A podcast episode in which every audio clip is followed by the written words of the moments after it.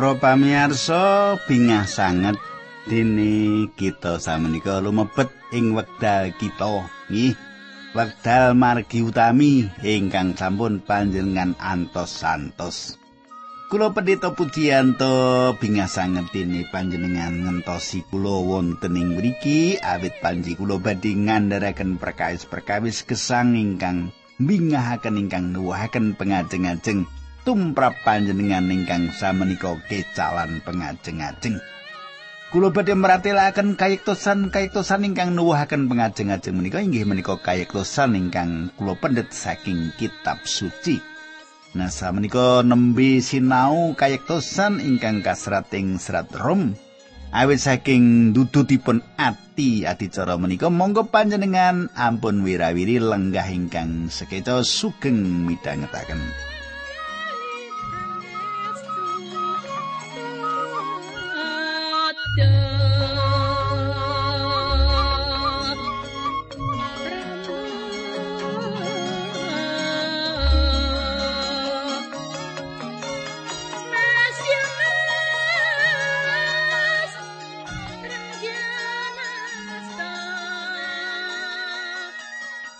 Para pamirsa menapa panjenengan tasih kemutan menapa ingkang kula andharaken tuk nalika pepanggihan kepengker? Wah kula radi lali kok Pak Puji. Gitu. Ah panjenengan kala-kala ya ngono gitu. Wonten satunggalipun sederek sanjang kalian kula. Waduh Pak kula menika kok khotbah-khotbah panjenengan kok lali kabeh gitu. Ora sah dieling-eling khotbah rasa diapalke ditindakake mawon kula sanjang. Mlinggi Pak nggih panji kedah dipun tindakan Nangge nek ngapalke ya ora iso, khotbah pirang-pirang. Sing penting ditindakake kepiye khotbah mau intine apa ditindakake ana uripe ainggi, Pak. Nek kateng kula kula badhe Bang Suli menapa ingkang sampun kula aturaken duk nalika pepanggihan kepengker. Ing pepanggihan kepengker kita sampun nyemak kados pundi Rasul Paulus nepangaken sinten to piyambakipun menika lan ugi sinten to Gusti Yesus Kristus menika. Saking pasinaon kita ingkang kepengker kita tutup kanthi satunggalipun pitakenan kangge dipun gegilet. Menapa panjenengan badhe madhep ing ngarsanipun minangka tiang ingkang pitados dumateng panjenenganipun minangka juru wilujeng utawi panjenengan badhe sowan ing ngarsanipun kangge dipun adili. Menawi panjenengan dereng nampi panjenenganipun minangka juru wilujeng paukumanipun Gusti Allah tentu badhe nempuh panjenengan. Panjenengan boten saged jumeneng wonten ngarsanipun kanthi kayektosan panjenengan piyambak. Panjenengan badhe dipun hukum wonten ing kesasaripun panjenengan ingkang langgeng menawi panjenengan boten pitados panjenenganipun minangka juru wilujeng. Wungulipun saking situ inggih menika jaminan bilih saben kita tentu saged adepan kalian Gusti Yesus Kristus. Nah, kelajenganipun kados pundi kita badhe tetunggu rumiyin. Duh Kanjeng Rama ingkang ada wonten kraton ing kasuwargan. Kawula ngaturaken gunging panuwun menawi wekdal menika kawula saged tetunggilan kalian sederek-sederek kawula ingkang setya tuhu midhangetaken adicara menika. Kawula nyuwun tuntunanipun Gusti berkahi kawula ingkang samenika mboten bejo ing gesang menika. Linambaran asmanipun Gusti Yesus Kristus kawula ndedonga haleluya amin.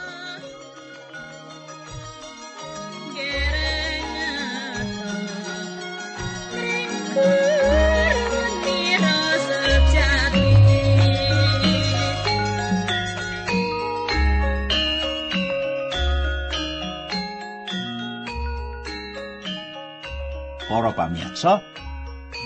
Pasinaon kita sampun lumebet ing serat Rom samenika kula lajengaken ayat gangsal. Ayat gangsal tepi panjenengan semak ing basa petinan. Kalawan lumantar panjenengane aku padha lesih rahmat sarta kalenggahan rasul kadawan nuntun marang kabeh bangsa supaya padha percaya lan bangun turut marang asmane. Para pamirsa, seramat lan kalenggahan rasul inggih menika perkawis ingkang penting. Seramat inggih menika cara kawilujengan ingkang dipun agem Gusti Allah. Mboten wonten satunggal kemawon ing antawisipun kita ingkang saged kawilujengaken menawi Gusti Allah boten paring kawelasan dumateng kita. Sinaosa kalenggan rasul mliginipun tumuju dhateng Paulus lan ingkang sanesipun ingkang asipat teknik inggih panci rasul saben tiang pitados inggih menika sedaya ingkang dipun utus saben tiang pitados menika tiang ingkang dipun utus ing basa Yunani pun tembung ingkang dipun ginakaken ing mriki ateges dipun kintun kangge majeng. Saben tiang pitados kedah dados seksi tiang dipun kintun kangge majeng beto dawuh. Menapa ingkang panjenengan tindakaken supados pangandikanipun Allah sumebar menika inggih menika urusanipun tiang-tiang ingkang nampi sih rahmat lan kalenggahan rasul. Para pamirsa, nuntun sadaya bangsa supados sedaya bangsa pitados lan bangun turut dumateng asmanipun. Serat kiriman dipun bikak kanthi pambangun turut ing salebetipun pasal pungkasan Paulus meratilaken pawarto bab kasetyanmu wis keprungu ing wong akeh rum 19. Uga kawartakake dening kitab-kitabe para nabi manut dawuhe Gusti Allah kang langgeng marang sakaing bangsa Rom 16 ayat 16 Pembangun turut iman sangat penting tumrap kita. Allah paring kawilujengan dumateng kita awit iman. Sanes awit pakaryan kita nanging sasampunipun panjenenganipun paring kawilujengan dumateng kita panjenenganipun ngersakaken ngandikan kalian kita gegayutan kalian pakaryan kita gegayutan pambangun turut kita dumateng panjenenganipun Kulo mireng kathah tiyang ingkang meratelaken gegayutan kapitadosanipun dumateng Gusti Yesus. Salajengipun tiang-tiang menika gesang kados iblis lan ketingalipun kemawon ngladosi panjenenganipun ketingalipun. Milujengaken iman anda dosaken panjenengan bangun turut dumateng Gusti Yesus Kristus. Menapa wonten bentenipun ing salebetipun iman? Sampun tentu bentenipun wonten ing tujuan iman panjenengan. Upaminipun kula pitados dumateng Bung Karno. Manut kula piyambakipun menika tiang ingkang ngedap-edapi presiden ingkang kawitan kita, bapak negari kita. Nanging kula ugi pitados dumateng Gusti Yesus Kristus. Sameneika kapercayan kula dumateng Bung Karno. Bung Karno mboten wonten lelabuhan menapa-menapa gegayutan kawilujengan kula. Menika mboten wonten gegayutanipun kalian kawilujengan kula lan sekedhik sanget daya pengaruhipun atas gesang kula. Nanging iman kula dumateng Gusti Yesus Kristus saestu benten. Ngrimat iman nuntun kita ing papaning pundi kita sumarah dumateng putra Allah ingkang tresnani kita lan masrahaken sadyanipun dumateng kita Kadang kula sinau so ajaran utawi doktrin leres saestu penting. Wonten malih disiplin lan pakaryan ingkang kedah dipun tindakaken. Panjenengan boten saged dados sareming jagat tanpa nggabungaken kekalihipun. Menapa nate panjenengan gada pikiran bilih sarem dipun atur saking sodium lan klorida lan kanthi mendet salah setunggalipun badhe ngracuni panjenengan. Nanging menawi kekalipun dipun gabungaken badhe dados bahan ingkang migunani. Pitados lan tumindak kedah lumampah sesarengan supados menapa supados sandadosaken kita sareming jagat. Kita perlu gada patrap bangun turut lan pitados dumateng Gusti Allah. Samenika Rum setunggal ayat 6, kowe uga padha klebu ing antarane wong-wong mau, kowe kang wis padha katimbalan dadi kagungane Sang Kristus. Para pamirsa, Tiang-tiang ingkang dipun timbali inggih menika tiang ingkang kapilih. Sinten ingkang dipun timbali? Tiang-tiang ingkang mireng. Ing salebetipun Yohanes sedoso ayat pitulikur Gusti Yesus kanthi cetha paring pangandikan. Wedus-wedusku padha nilingake suaraku sarta aku wanuh marang wedus-wedusku lan wedus-wedusku padha ngetut buri aku. Menawi panjenengan nulodo satunggalipun sederek utawi perkawis ingkang sanes ateges panjenengan dereng saestu estu mireng Gusti Yesus. lan panjenengan boten salah satunggal saking mendo-mendo kagunganipun.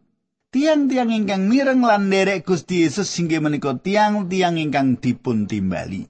Kita mboten perlu dedebatan kekaitan tiang-tiang pilihanipun Gusti Allah. Kambelipun makaten.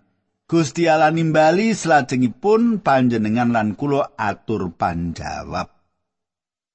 Menawi panjenengan sampun atur panjawab, pramila panjenengan badhe wonten ing antawisipun tiang-tiang ingkang dipun timbali dados kagunganipun Sang Kristus. Paulus ngiyakinaken tiang-tiang Kristen ing Rom menika bilih tiang-tiang Kristen ing Rom menika ingkang dipun timbali Gusti Allah. Kadang kula menika mesti kemawon nyakup pambuka serat dumateng pasamuan Rom. Dr. James Stifler dados kawigatosan kita ing sekawan tondo ingkang wonten ing pambuka menika inggih menika kawitan Paulus gadah pangandikan ingkang selaras kalian kitab suci. Kaping kali. Pangandikan Paulus asalipun saking Sang Kristus ingkang sampun wungu saking situ. Kaping tiko, pangandikan Paulus asipat sawetahipun. Lan kaping sekawan, pangandikan Paulus ngandut tujuan kaciptanipun pambangun turut ing salebetipun iman. Sameniko kita badhe nyemak kados pundi Paulus wangsul dateng pambuka ingkang sakmestinipun. Monggo kita waos ayat pitu, bab setunggal, Rom. Marang sakai para sedulur kang manggon ing kutha Rom iya para kekasih Gusti Allah kang katimbalan lan kadadekake suci sih rahmat ana ing kowe kabeh tentrem rahayu saka Gusti Allah Romo kita lan saka Gusti Yesus Kristus. Panjenengan katosaken tembung kekasih Gusti Allah. Rak tembung menika kapirengipun saestu manis lan indah sanget, nggih Menika ateges bilih Gusti Allah sejatosipun saestu tresnani tiang-tiang pitados sing rum. Lan menika ugi ateges bilih Gusti Yesus ugi tresnani kita kados menapa indahipun to. Kadang kula salajengipun panjenengan gatosaken ukara kadadekake suci. Ukara menika saged dipun damel gampil dados tiang-tiang suci. tembung kriya dipun dadosaken mboten dipun panggihaken ing salebetipun naskah-naskah ingkang langkung sae. Menika ateges bilih tiang-tiang dipun dadosaken tiang-tiang suci lan inggih menika nami kangge saben tiang pitados. Tiang suci sanes tiang ingkang dipun pilih. Tiang suci inggih menika tiang ingkang ngluhuraken Gusti Yesus Kristus. Tiang saged dados tiang suci menawi Gusti Yesus Kristus sampun dados juru wilujengipun. namung wonten kalih kelas manungsa ing jagat menika tiang suci lan sanes tiang suci menawi panjenengan sanes tiang suci pramila panjenengan inggih menika tiang suci lan menawi panjenengan menika tiang suci pramila panjenengan pitados dumateng Sang Kristus sanes sifat panjenengan ingkang dipun dadosaken panjenengan tiang suci nanging iman panjenengan dumateng Gusti Yesus Kristus menika ingkang andadosaken panjenengan kados mekaten rak mekaten menika kasunyatanipun. Panjenengan ugi dipun pisahaken kagem panjenenganipun kados ingkang dipun sebataken Paulus kegayutan badanipun piyambak ing wiwitan pilih piyambakipun inggih menika abdi Yesus Kristus. Para pamirsa, tembung salajengipun inggih menika sih rahmat ana ing kowe kabeh lan tentrem rahayu Panjenengan gatosaken pilih tembung menika kacakup ing salebetipun pambuka ingkang resmi ing salebetipun sedaya serat-serat ingkang dipun serat dening Paulus Syekh Rahmat. Satunggalipun wujud tembung salam kangge bangsa sanes Yahudi menawi tentrem rahayu menika satunggalipun pocapan salam kangge bangsa Yahudi panjenengan semak Paulus nggabungaken kekalihipun. Ayat 8. Luwih dhisik aku saos syukur marang Allahku marga dening Gusti Yesus Kristus sing ngatasé kowe kabeh awit kabar bab percayamu sumebar ing sak jagat. Kadang kula pawartos menika kagiyaraken cepet ing saindengipun kekaisaran kanthi makaten kata sanget tiyang ing Rom ingkang bertobat dumateng Sang Kristus. Saking kathahipun ngantos radi nggorehaken Sang Kaisar. Salajengipun panganiaya dipun wiwiti. Paulus sing mriki nyebataken bilih iman tiang-tiang dados pirembagan tiang saindenging jagat. Kulo gadah kekajengan kepingin mangertos kelompok panjenengan utawi gereja panjenengan. Menapa sampun tiang-tiang mireng kesaksian pribadi panjenengan? Menapa kinanipun pasaksi panjenengan ing wekdal samenika? Nanging saestu pasaksi ingkang ngetapi-tapi ingkang dipun tindakaken pasaman Rom ing wekdal wiwitan menika saestu ngiram-ngiramaken. Kula lajengaken ayat 9. Sebab Gusti Allah kang nduladeni kanthi gumolong ing atiku ing sajroning ngabarake Injil kang putra iku kang dadi saksiku anggonku ora pegat ngilingi marang kowe ana ing sajroning pandongaku. Para pamirsa, kula wangsuli nggih sebab Gusti Allah kang ndak ladeni kanthi gumolong ing atiku ing sajroning ngabarake Injil kang putra iku kang dadi seksiku nggonku ora pegat ngilingi marang kowe ana ing sajroning pandongaku. Panjenengan katosaken tembung ngabarake Injil kang putra Ing perangan wiwitan saking serat rum bab setunggal menika Paulus nyebat Injil Allah. Lan salajengipun Paulus nyebat Injil keng putra. Salajengipun panjenengan katosaken ugi tembung nggonku ora pegat ngilingi marang kowe ana ing sajroning pandung aku. Paulus gadah daftar donga ingkang panjang. Para pamirsa, ing wekdal kula tasih kuliah ing sekolah tinggi teologi kula dipun paringi tugas dening dosen supados nyerat saben Paulus meratelaken bilih piyambakipun sawek ndongaaken satunggalipun tiang. Lan menapa ingkang kula panggihaken, kula saestu emot sanget kados menapa panjangipun daftar donga ingkang dipun gadahi Paulus ing mriki. Ing mriki Paulus ugi meratelaken bilih piyambakipun ndedonga tanpa mandek kangge tiang-tiang pitados ing Rom. Nah, samenika dumugi ayat 12. Aku nyenyuwun muga-muga marga saka kersari Gusti Allah ing wekasane aku bisa oleh dalan nilii kowe kabeh. Para pamirsa Paulus ndedonga supados bisa oleh dalan supados saged dumugi ing Rom. Ing wekdal kita mau sangkenipun lumampah Rasul Paulus sing salebetipun kitab Para Rasul, lumampah ngelaraken Injil ketinggalipun menika mboten patos sae. Kenging menapa? Awit wekdal menika Paulus dados tiang tawanan. Lajeng piyambakipun kakurung ing tengah ombak walian ingkang ngamuk, salajengipun kapalipun ical lan ingkang pungkasan malah piyambakipun dipun cokot sawar ing wekdal darat. Nanging menika anggenipun tumindak laku Paulus ingkang sae. Paulus meratelaken bilih piyambakipun gadah kekajengan nuweni dhateng Rom saka kersane Allah. Kula lajengaken ayat 11. Awit aku kepingin ketemu kowe perlu ngwenehi ganjaran kasukman murih unda ing kasantosanmu. Para pamirsa, Paulus gadah kekajengan tumugi ing Rom supados martosaken pangandikanipun Gusti Allah. Paulus remen martosaken pangandikanipun Allah. Menawi wonten tiyang khotbah mboten purun martosaken pangandikanipun Allah, tiyang menika saged kewawon dados pendeta, saged kewawon dados pengurus, saged dados tiyang ingkang nyepeng administrasi, saged dados promotor nanging piyambakipun sanes pelados pangandikanipun Gusti malih. Kulo tepang sawetawis tiyang ing salebetipun kalenggan menika wonten tiyang ingkang sanjang kulo mboten saged malih ngraosaken sekeca khotbah. Kulo sanjang Menawi kados mangkaten medal kemawon saking pladosan, panjenengan boten wonten urusan malih ing salebetipun pladosan menawi panjenengan boten remen martosaken pangandikanipun Gusti Allah. Pripun panjenengan kata kula? Angkot bara seneng ya rasa dadi pelayan wae, gitu. Ayat 13.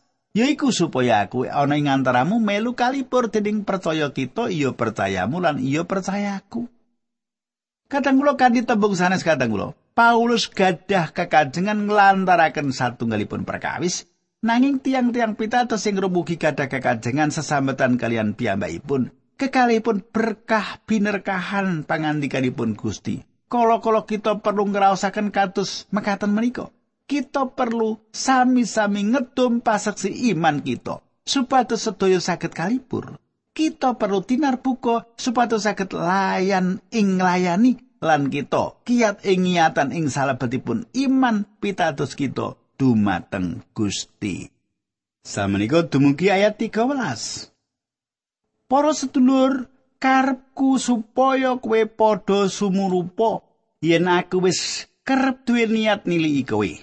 Supaya ana ing satengahmu aku go bisa petik wah kaya dene ana ing satengahing para bangsa saliyane bangsa Yahudi ananging nganti seprene tansah ana alangan. Para pamirsa Paulus manggi pepalang ing wekdal badhe tuwi dhateng tiang pitados sing Rom sinaosa piyambakipun kapang sanget dumugi ing mriku. Kita mangertos bilih saperangan ageng saking tiang-tiang pitados menika kalebet tiang-tiang inggal ingkang dipun tuntun Paulus. Paulus sampun mimpin tiang Rom dumateng Sang Kristus semedal piyambakipun kepanggih kalian tiang-tiang Rom ing lalatan-lalatan ingkang benten ing kakaisaran Rom. Hingga awis saking menika Paulus sangat kepingin ing wekdal menika supaya ana ing satengahmu aku go bisa metik woh. Saged ugi menapa ingkang dipun pratelakaken menika mboten ngarah perkawis menepaken jiwa nanging malah ngarah dumateng woh roh ing salebetipun kesang tiang pitados kados ingkang dipun pratelakaken ing salebetipun Galatia gangsal ayat 23 ngantos 23. Kula lajengaken ayat 18 Rom setunggal. Aku kaput tangan kabecikan marang wong Yunani. Mengkono marang wong saliyane Yunani wong wasis lan wong bodho para pamirsa. Panjenengan katosaken tembung marang wong Yunani mengkono uga marang wong saliyane Yunani. Menika tiang Yahudi ingkang merang-merang atas umat manungsa. Tiang Yahudi menika ingkang merang-merang bangsa Yunani inggih menika bangsa ingkang gadah budaya, gadah pendidikan lan gadah tepo selira. Tiang sanes Yahudi inggih menika ingkang ing jaman menika kita sebat tiang ingkang ibadah dumateng maneka warni brahala lan kafir. Saya tosipun merang-merang makaten menika klintu nanging anggenipun merang menika tamtu kemawon nyakup sedaya umat manungsa lan dipun mangertos dening bangsa Rom. Kadang kula Paulus meratelaken aku utang iyo karo wong Yunani uga marang wong dudu Yunani. Piyambakipun menika utang menapa? Menapa Paulus sampun tumbas menapa-menapa dumateng tiang-tiang menika lan piyambakipun kesepen bayar tagihanipun? Oh, mboten menika kata kula. Paulus mboten gadah kegayutan dedagangan kalian tiang-tiang menika. Nanging piyambakipun gadah kegayutan pribadi kalian Gusti Yesus Kristus ingkang adamel gadah utang dumateng sedaya tiang sebab sih rahmat Allah ingkang katalan luber-luber dipun soaken atas piyambakipun. Paulus utang dumateng jagat ingkang kesasar kula mireng wonten tiang Kristen ingkang sanjang aku wis nglunasi utang. Nanging menapa leres panjenengan sampun nglunasi utang panjenengan? Kadang kula Saderengipun saben tiang mireng Injil Yesus Kristus kula lan panjenengan dereng saged dipun sebat sampun bayar utang utawi nglunasi utang. Satunggalipun dintening peladusan sosial kula lan sawetawis tiyang kesah ing satunggalipun daerah pedalaman ing Sumatera. Supados dumugi daerah menika kula sami melampah kirang langkung kalih jam. Mboten wonten kendaraan sanes sing wekdal semanten kejawi sepeda pancal.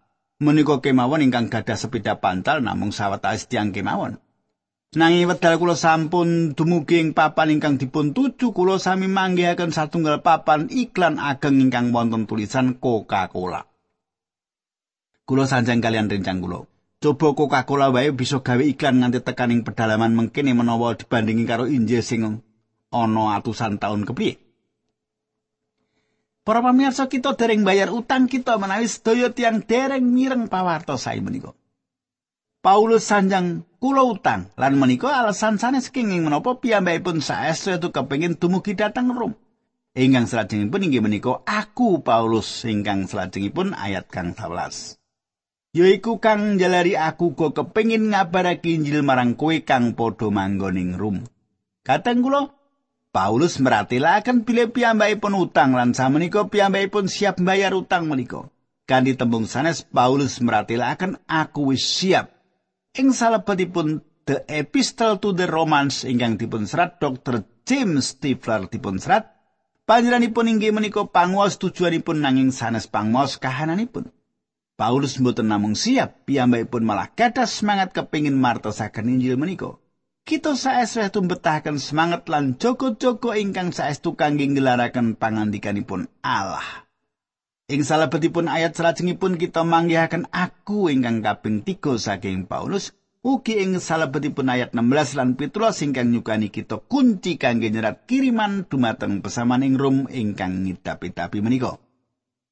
Para pamirsa menapa malih ingkang dipun pratelaken serat Rom menika nggih menika nembe kemawon pikantuk pasal setunggal dereng rampung nanging badhe kita lajengaken wonten ing pepanggihan selajengipun kita badhe ndedonga rumiyin. Duh Kanjeng Rama ing swarga kawula ngaturaken gunging panuwun menawi wekdal menika kawula saged tetunggilan kalian sederek-sederek kawula ingkang setya tuhu midhangetaken adicara menika. Berkahi Gusti Yesus sederek kawula menika. Linambaran asma patuko Yesus kawula netunggal haleluya. Amin.